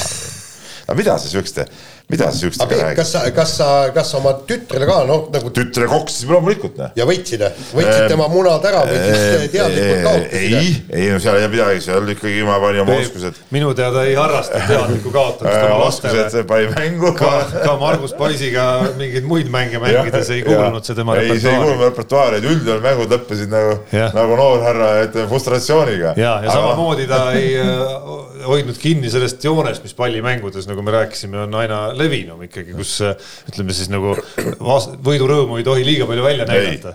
ei, tähendab. jooksis ütleme... ümber maja põhimõtteliselt. ei no mul oli siuke laul oli, et issi võidab, issi võidab, issi võidab alati ta-ta-ta-ta. vot siis ma hakkasin tavaliselt enne mängu, ükspuha mida me mängisime, hakkasin selle, sellega nagu alustasin, siis juba läks nagu. noormees läks juba närvi selle peale, tead noh, et, et, kas tõesti jälle kaotus, tead noh no võimas. ei, ma tegin talle muidugi, reeglid oli küll näiteks, kui me mängisime okit üks-ühega, üks-üks okit, eks ole, siis oli niimoodi, et mina mängisin, mul oli kepp ainult vasakus käes. mul oli päris raske mängida, kui see pikk kepp on ainult ühes käes ja niimoodi sa sudid ja tema võis nagu mõlema käega. ja oli ka niimoodi, et, et minul oli siis sihuke suur värav ja tema pidi kaitsma siukest väikest väravat, tead noh. aga, aga noh, ikkagi, ikkagi ütleme, meisterlikkuse vastu ei saa nii, Jaan, kuidas sul Unibetis läks? ei leidnud panust, tead, ma olen nii tundlikuks muutunud, et no mul peaks ikkagi mingisugune, tähendab, noh, ma siin mingi, mingisugusel ajal proovisin panna Inglismaa jalgpalli peale. mida sa ajad? Kas sa ei vaata siis KHL-i praegu? ei, ma ei, ma ei tea seda, ma ei tea sellest midagi. suurepärased, no see on ikka hiilgavad mängud. mul eile ei olnud, eh, need mõned need mängude ajad on sedasi, et ma otse kõike ei näe, eks ole. pidin trennis olema ja, ja siis ma õhtul eh, vaatasin sellest, võtsin eh, KHL-i külje pealt selle mängu laivi ette, siis selle minuti kaupa siis kerisin, vaatasin, teadsin, ahah, nüüd tuleb mingi huvitav olukord, siis vaatasin paar minutit nagu ära seal olukorrad, värgid väga kihvt, väga kihvt. Ja, ja põhiline on see, et, et äh, Omski avangard äh, Akbarsi vastu võõrsil äh, kaks-null mängudega ees, vot see oli suur üllatus, tead näe. sealt ma oleks muidugi hävinud ka, kui ma oleks selle panuse pannud, mul oli, oli kombinatsioon, et CSKA võidab Peterburis ka-d ja, ja Pars, Akbars võidab avangardi siin, ma tahtsin siukse duubli panna, aga noh äh,, aga mulle muidugi meeldib, et, et avangard võitis, Kovatsuk mängib seal kuule, sa oleksitest, Peep, ei ole mõtet siin selles. ei, ma ütlesin, mille ma ära unustasin, ei, ma ütlesin, see panus, mis ma ära unustasin, et see jäigi, noh, et, et seal tuli mäng tuli peale nii, aga uue nädala eripanus on Unibetis töös, meeldinud eripanus puudutab äh, sedasama komandeeringut, kuhu äh, me Peebu ära saadame, nimelt siis Lätimaale kus toimumas on Eesti-Läti korvpalliliiga, mis ta on siis Final kuus või? esi, esikuuiku finaalturniir. Ja, ja, ja noh, Kalev Cramo esikoht on see, mida siin panusena ootame pikisilmi, mis koefitsiendiga see sealt siis äh, varsti välja tuleb kuule, aga kas, kas Eesti klubi on kunagi võitnud Balti? no vot no, just see, selle peale. sellest on huvitav turniir ja ma arvan, et tegelikult äh, Kalevi jaoks juba esimene sihuke proovikivi võib olla juba poolfinaal, äh, kui nad näiteks peaks Ventspilsiga kokku minema, sest et Rapla Ventspils on veerandfinaal. ma arvan, et kuigi Ventspils on viimasel ajal kehvasti mänginud siis ma millegipärast arvan, et nad ikka tasemed peaks olema Raplast üle ja ja, ja Kalev on varemgi poolfinaalis nagu koperdanud, tead, siuksest kohtadest, et mäletame no, üks aasta Tallinnas oli turniir Ogrele kaotas. ja, ja noh, kusjuures Kalev Cramo ongi oma minu arust nagu viimaste aastate loos jõudnud sinna faasi, kus äh, kohe hirmsasti tahaks seda ükskord nagu ära ka võita ikkagi. ja muidugi tahaks, aga VEF on see aasta ka kõva pähkel, isegi kui nad finaali saavad. VEF on päris hea see aasta ikkagi olnud nad said ju Champions League'is ju ka sellest, ütleme teisele etapile vahegrupi turniirile. kuigi seal on nad kaotanud, aga seal on väga häid mänge jälle ka saanud. Ei ole mingi naljasatsidega mänginud. sul mõned kirjad nii, mõned kirjad ikka. ja, no meil, meil on, meil on mõnes mõttes ju hea uudis kõikidele, et me ei ole kammitsetud enam siin mingisugust ajapiirangust kuna laupäeval Teliast meid enam ei näe, siis äh, põhimõtteliselt meil, ma juba hoiatasin meie saate tehnilist personali, et noh, meil läheb siin kaua. hakkab minema väga kaua. minu ettepanek oli, et me ikkagi väga pikalt ei venita seda, väga pikalt, väga pikalt ei venita, küll aga. Ükski kiri vähemalt ootele ei jää. ja kiri ootele ei jää, aga, aga aga noh, see Teliaga on nagu on, et ega, ega nad ikkagi, minu arust isegi hea võib-olla, et, et mis on laupäevasel päeval, ma üldse ei aru, mis nad meid laupäeval näitasid. et kui Telia meelt, kui tahate mingit head asja, siis võtke, näidake meid otse. nii, nii, mitte otse, vaid samal päeval vähemalt kas. nii, aga kirjad ja teadlane Priidik vana hea kirja peal kirjutab. tervist, tervist. Eh, keda peavad saatejuhid viimase kolmekümne, neljakümne aasta kõige olulisemaks treeneriks Eestis? Eh, lihtne võtta mõne olümpiamedalisti treener kuid vahest on keegi selline, kes edendanud oma ala läbi koolkonna loomise või midagi seljas, sellist. Äh, näiteks Erki Noole treener. Erki Noolel oli päris palju treenereid, et, et, et äh, seal ma ütlen, ma ütlesin tegelikult, et kas me nüüd tahame või ei taha, aga ikkagi viimase kolme-neljakümne aasta kõige olulisem treener Eestis Mati Alaver äh, no ja mitmes mõttes siis. mitmes mõttes, väga mitmes, väga mitmes mõttes jah ja.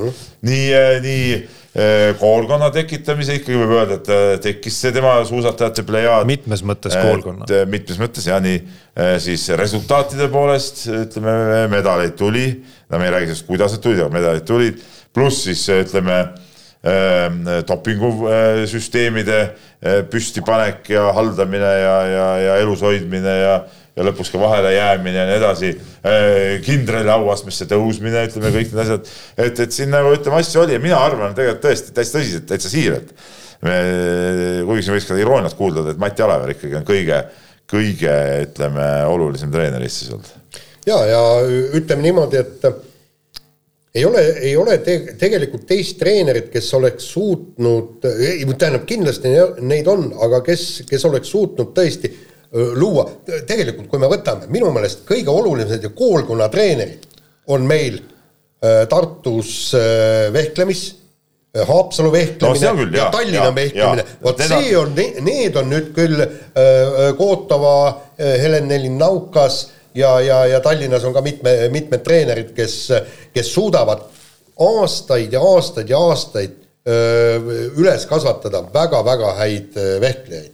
ja just, just e, e, Tallinn, Tartu ja Haapsalu, see on kummaline, meil on kolmes kohas sisuliselt vehklemisega tegeletaksegi, aga me oleme nii kõvad. no kui me ajamäärusest kolmkümmend, nelikümmend aastat räägime, oli vist nelikümmend ka sealt sisse ja. toodud, noh siis samas ei saaks ka nagu Jaak Salumetsast kuidagi ringi minna sellega, mida ta kaheksakümnendate teisel poolel siis tegi ja mismoodi meie korvpalli jalgele upitas ja mismoodi tekkisid sinna ju küll meditsiiniinimesed ja süsteemsem ja suurem treenimine ja kõik asjad sinna kogu selle asja juurde ja noh, see kandis ju meie ütleme siis noh, need üles kasvatatud ja need mängijaks kasvanud tüübid kandsid meid terve järgmise kümnendi ka veel no ja kui me, kui me läheme veel kaugemale. kaks tuhat üks finaalturniiril kandsid veel needsamad mehed. seda küll, aga kui me läheme veel kaugemale, siis kerges Fred Kudu loomulikult, eks ole. ütleme, kui me läheme nagu sealt kaugele vaatame, kellel oli oma sihuke koolkond ja, ja, ja asjad, et et no. eks need siuksed olnud, aga ütleme, ütleme praegu, kui me vaatame nagu tänapäeval tegutsevaid, tänapäeval tegutsevaid treenereid.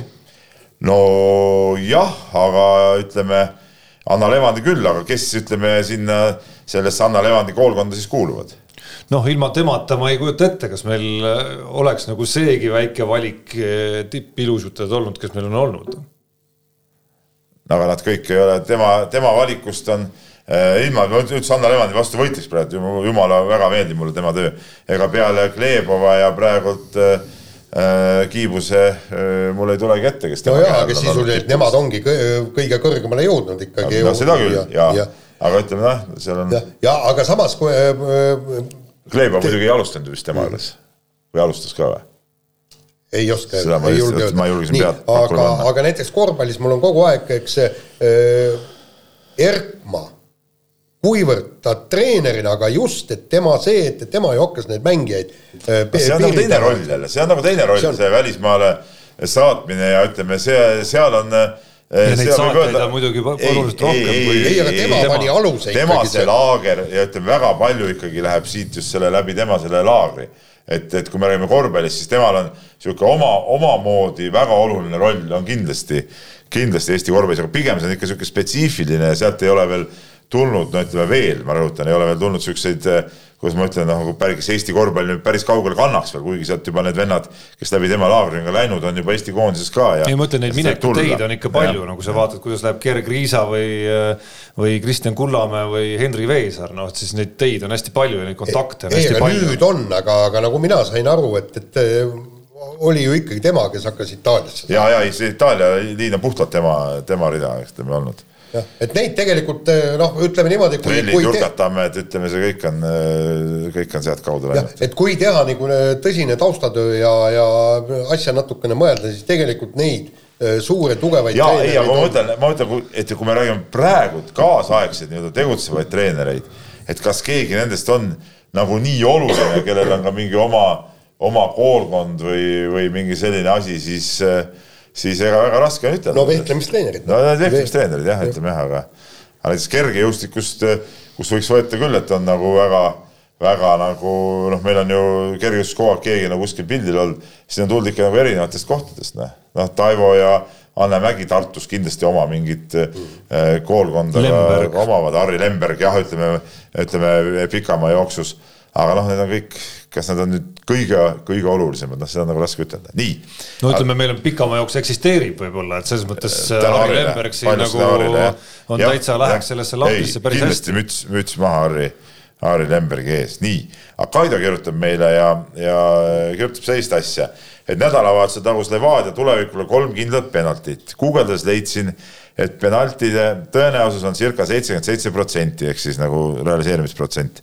kuidas teile tundub, kas oleks jumeti huvitavam, kui penalt ei oleks pelgalt ära arvamismäng, sest reageerimise peale väravat palli nagunii ei püüa, vaid võiks olla analoogne jäähokiga, kus pullitit, pulliti jaoks peab ründaja väravahi üle mängima, jalgpallis näiteks hakkab ründaja liikuma neljakümne pealt, neljakümne meetri pealt, no sihukest asja on proovitud. ei, ei, seal on ju minu meelest, äh, kas proovitud. USA, USA jalgpalliliigaski seal, seal oli vähemalt mingi, et sul oli neli sekundit aega vist oli kas kuueteistkümne meetri koore tagant. ei, kaugemalt isegi vist äh,, või oli isegi kaugemalt minu arust. aga neli sekundit aega ja kui selle ajaga väravat ei jõudnud lüüa, siis, äh, siis aga, aga üks, üks võimalus on nagu käsipallis.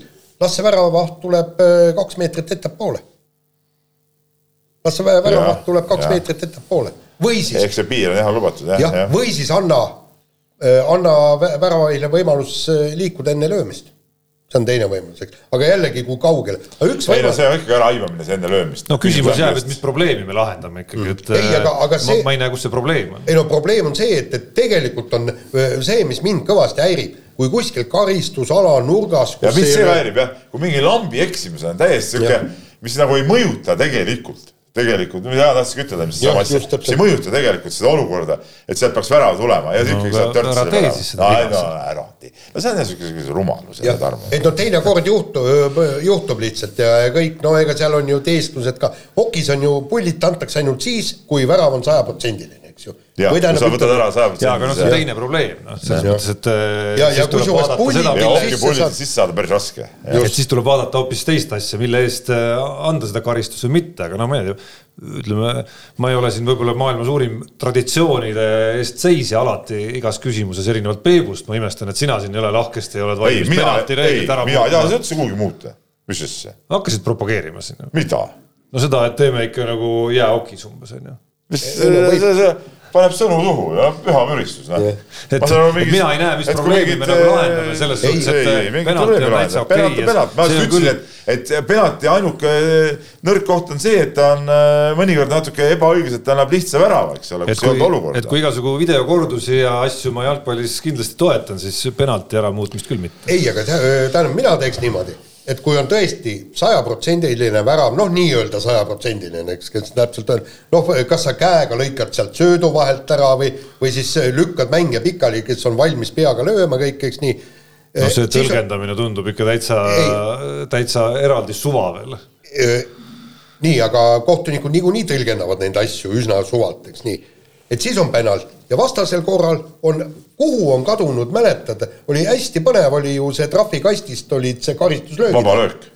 et, et sa ei tohtinud otse väraval lüüa, vaid mm., vaid pidi olema see üks puude nagu enne. jah, või siis teine võimalus on tõesti kuueteist kasti seest, aga vastased võivad müüri ette, ette, vot, vot see on huvitav nii, võtame ühe kirja, võtame veel, muidu läheb tõesti liiga pikaks. selline elus katse täna kohe, kui anti võimalus teha saadet pikemalt. kohe tegime, aga mina, ma olen põhimõtteline mees, ma ei lase siit seda pikalt üle, seepärast võtan ainult ühe kirja, Jago on meile kirjutanud ja kirjutab nii, et viimane saade oli hea kuulamine ja muidu Tallinade kokkuvõttega nõus. Ja tähendab, ma Jago noh, meie saade alati hea kuulamine, mitte ainult viimane, eriti kui mina räägin nii, aga äh, nõus, aga kes minu silmis jäi puudu sellest kokkuvõttest, on hokiuiskudel Rooba, õige.